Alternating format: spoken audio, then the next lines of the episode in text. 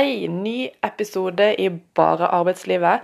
I denne episoden så spør jeg om robotene vil ta over jobben vår, og avslører det pinligste jeg klarte å gjøre allerede ti minutter inn i min nye jobb. For etter åtte måneder med å gjøre hva jeg sjøl vil når jeg sjøl vil det, så har jeg altså begynt å jobbe igjen. Mitt navn er Hege Helvik, og jeg er utrolig engasjert i arbeidslivet.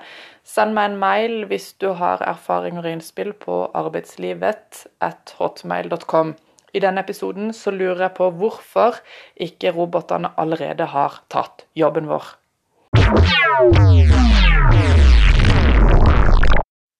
Vi nordmenn sies å være veldig effektive. Og det må vi jo være, for hvordan kan egentlig en norsk bussjåfør ellers tjene 200 ganger mer enn en indisk bussjåfør? Det må jo være fordi våre bussjåfører er vanvittig mye bedre. Jeg vet ikke om det er fordi de kjører fortere eller har høyere garanti på antall overlevende i løpet av bussruta. Men det stemmer jo ikke helt. De som har vært i India, vet jo at det å skulle navigere i den indiske trafikken er langt mer krevende enn i den norske. Så da er det jo noe annet her. Gjennom hele min oppvekst så har jeg blitt fortalt at det er oljefondet vårt som gjør at vi kan tjene så mye. Men nå innser jeg jo at det handler like mye, eller kanskje enda mer, om politikk enn om penger. Det handler om den omfordelinga vi har i samfunnet. Det handler om å bo i et land som jobber eh, i fellesskap. Vi har et sikkerhetsnett som tar vare på oss alle og løfter oss som en flokk. Mange voksne nordmenn har jo hatt dette sikkerhetsnettet hele sitt liv, og er faktisk ikke klar over at hvis vi fortsetter sånn som i dag, så vil vi ikke ha et sikkerhetsnett om ca. ti år det er ganske kort tid. Vi blir stadig eldre, vi lever lengre med sykdom, og vi blir stadig færre i arbeidsfør alder. Samtidig så er vi veldig lønnsomme for staten når vi jobber gjennom vår skatt. Så sentralt på Finansdepartementet så sitter det økonomer og regner på skatteinntekter til Norge og utgiftene til velferdsstaten, og ser at utgiftene til helse kommer til å skyte i været. Og det enkle svaret til økonomene er at vi må jobbe mer. Jeg blir så provosert at vi må jobbe mer. Jeg blir sykt provosert. Og her er det snakk om flinke folk, økonomer, som sitter og regner. Og svaret vil alltid bli det samme når du regner på dette her. Vi må jobbe mer. En gang så gikk jeg nesten til angrep på en foredragsholder, stakkar, fordi at jeg ble så provosert det eneste svaret var at vi måtte jobbe mer. Og jeg kjenner mange dyktige, flinke økonomer, men noen ganger så tror jeg at de rett og slett blir litt blind på sitt eget fag.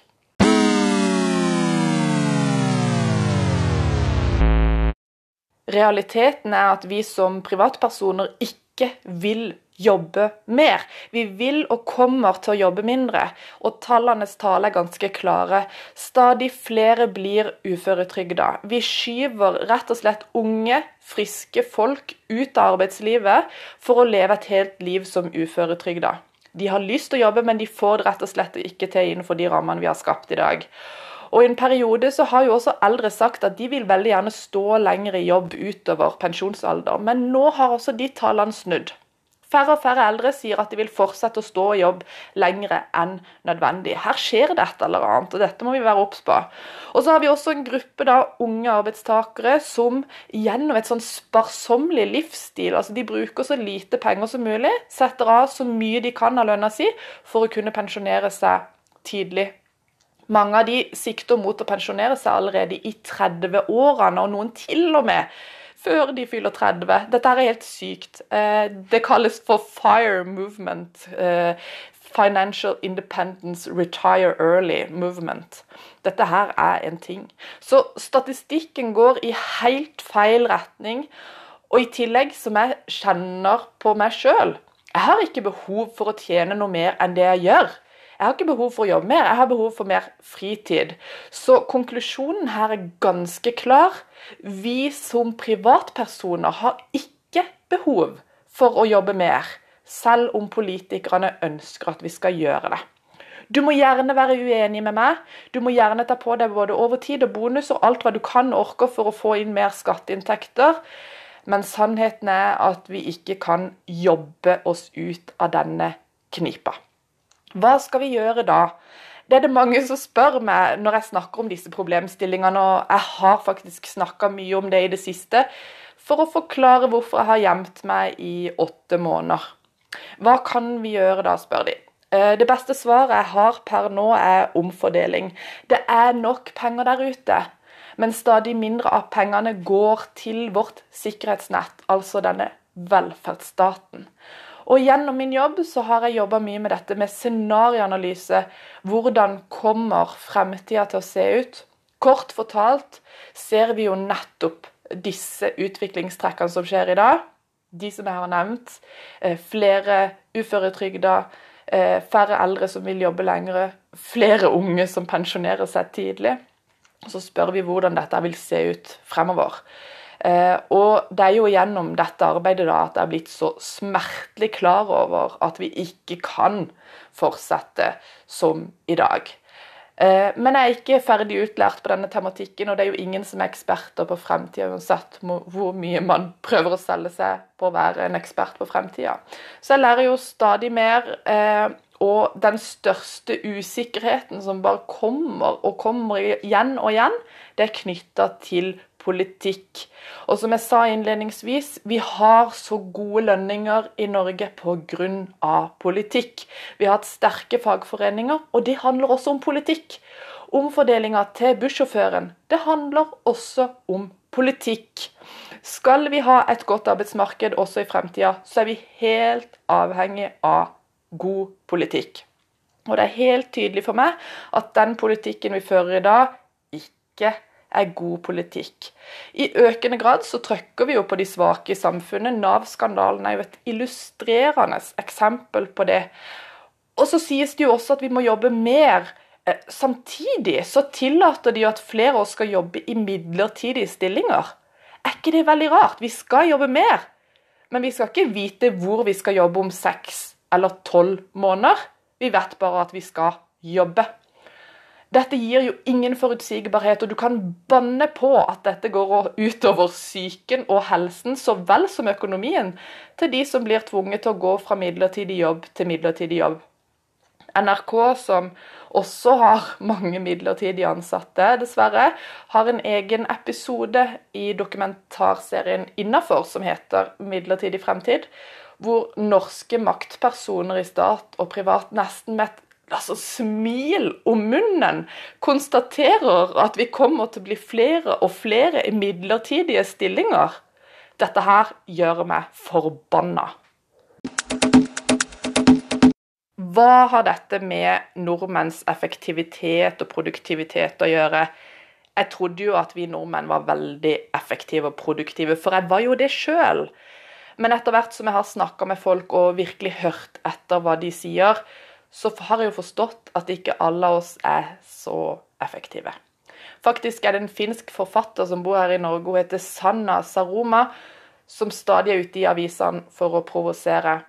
Og jeg driver jo stadig og lærer mer om denne boksektoren, så eh, jeg tror hun Sanna er et kroneksempel på hvordan å skape blest rundt seg sjøl og sine bøker. Dette her er en måte å selge på.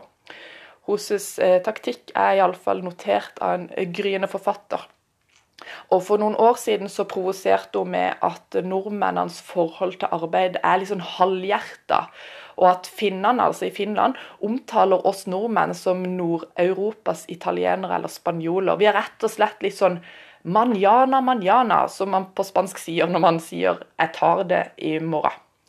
Og selv om vi er da mange som jobber så godt vi kan hver dag, så er det kanskje noe i det som Sanna sier bare at hun legger skylden på oss som individer, når jeg helt og holdent mener at dette er systemets skyld. La meg ta noen eksempler fra tradisjonelle statusyrker her i Norge. En norsk nyutdanna kirurg gjør én operasjon, og så må han eller hun i etterkant bruke flere timer på journalføring. Dette for å unngå å tape søksmål dersom det skulle skje noe galt med pasienten i etterkant.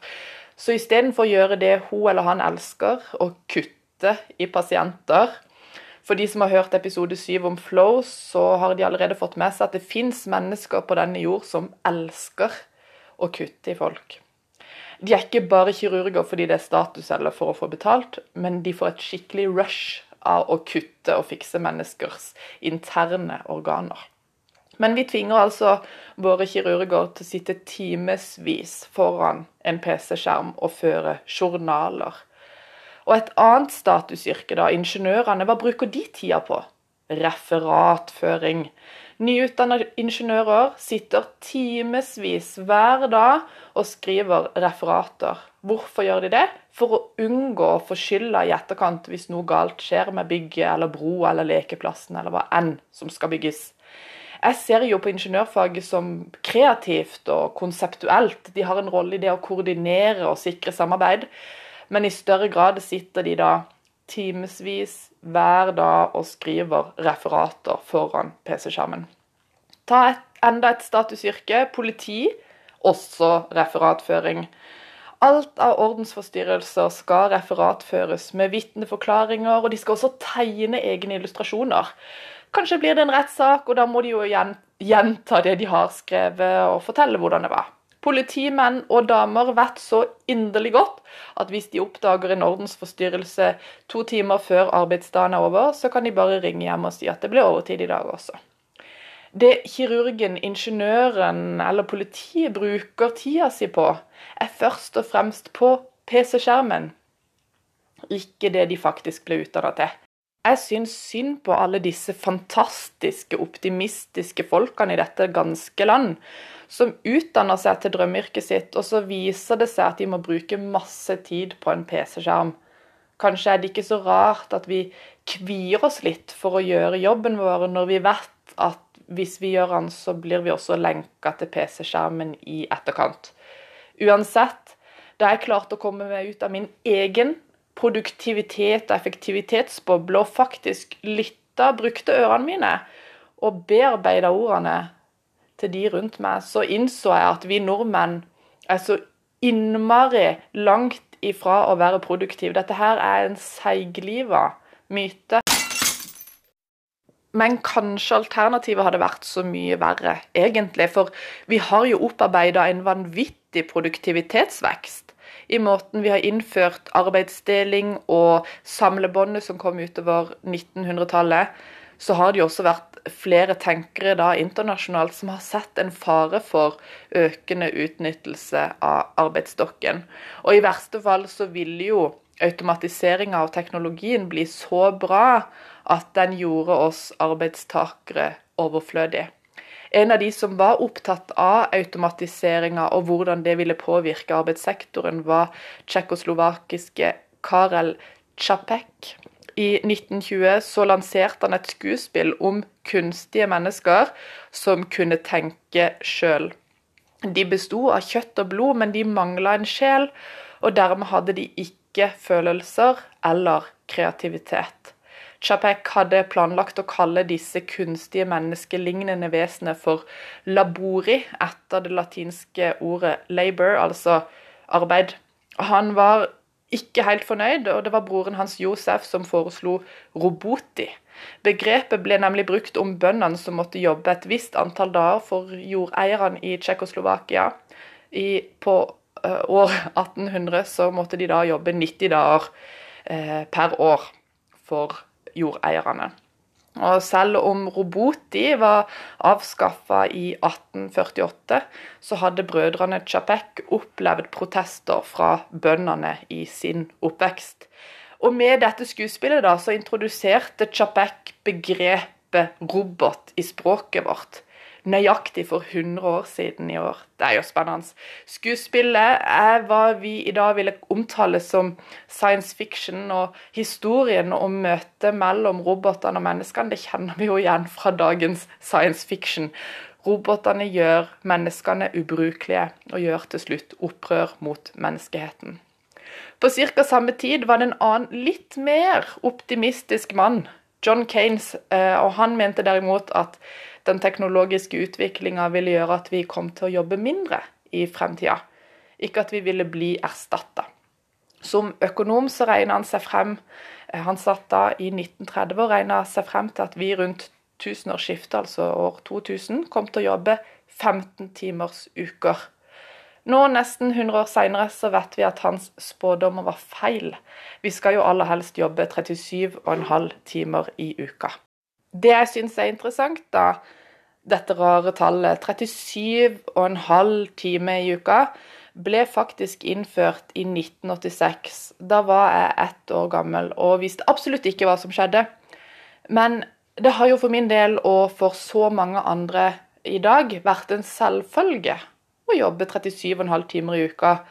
Og dette har blitt en slags sånn naturgitt sannhet å skulle forholde seg til. Dette her magiske tallet. 37,5. Men så ser man jo tidligere på 1900-tallet at det var en kontinuerlig nedgang i antall arbeidstimer. Akkurat i tråd med det Kane sa. I 1915 så jobba vi 54 timer. I 1919 var det 48 timer. 1959 var det 45 timer. 1968 var det 42,5 timer. Og så ble det 40 timer, og til slutt da 37,5. Av en eller annen grunn så stoppa vi opp på 37,5.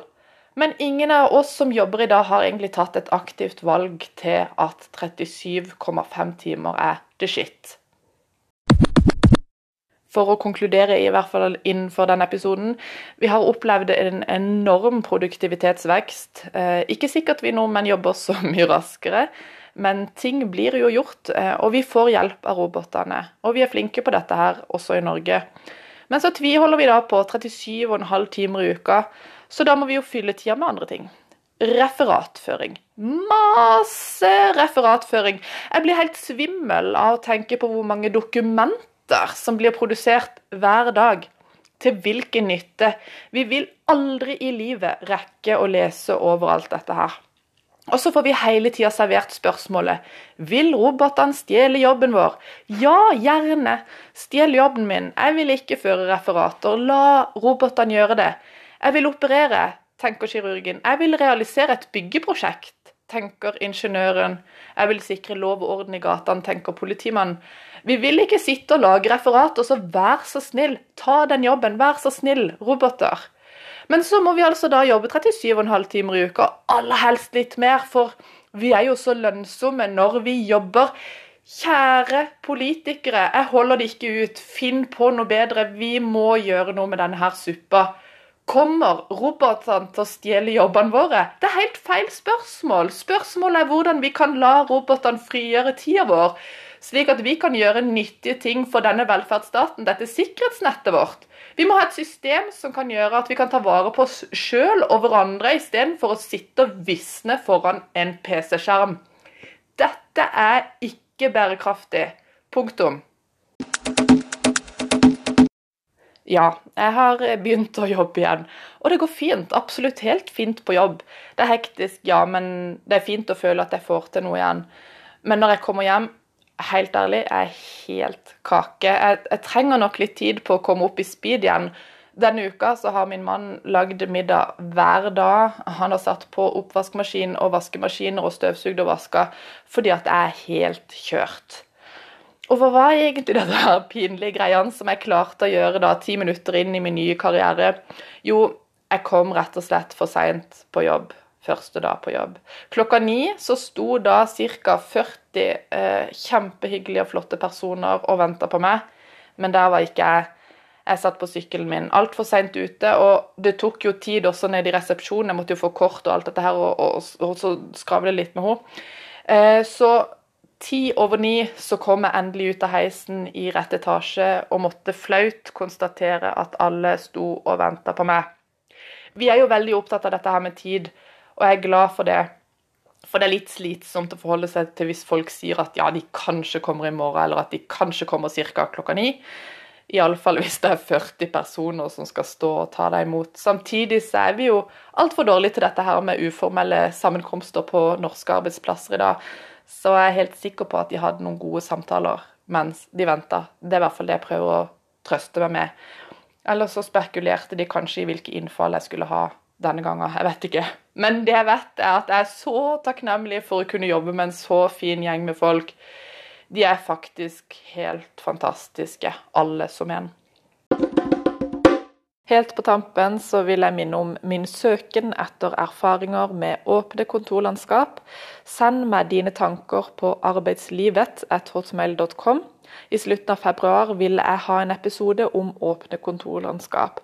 Og jeg vil gjerne vite hva du liker eller ikke liker med åpne kontorlandskap, og gjerne med konkrete eksempler. Jeg hører gjerne fra deg. Takk for at du hørte på denne episoden om produktivitet, roboter og min klagebønn til våre politikere. De har en viktig jobb, disse politikerne, men jeg tror de trenger litt hjelp for å få dette her til. Neste gang så vil jeg snakke om kreativitet. Når er man egentlig mest kreativ? Og brainstorming i grupper, er egentlig dette her så veldig kreativt? Jeg er nemlig over gjennomsnittet opptatt av kreativitet. Det vil du merke i neste episode av bare arbeidslivet. Hei så lenge.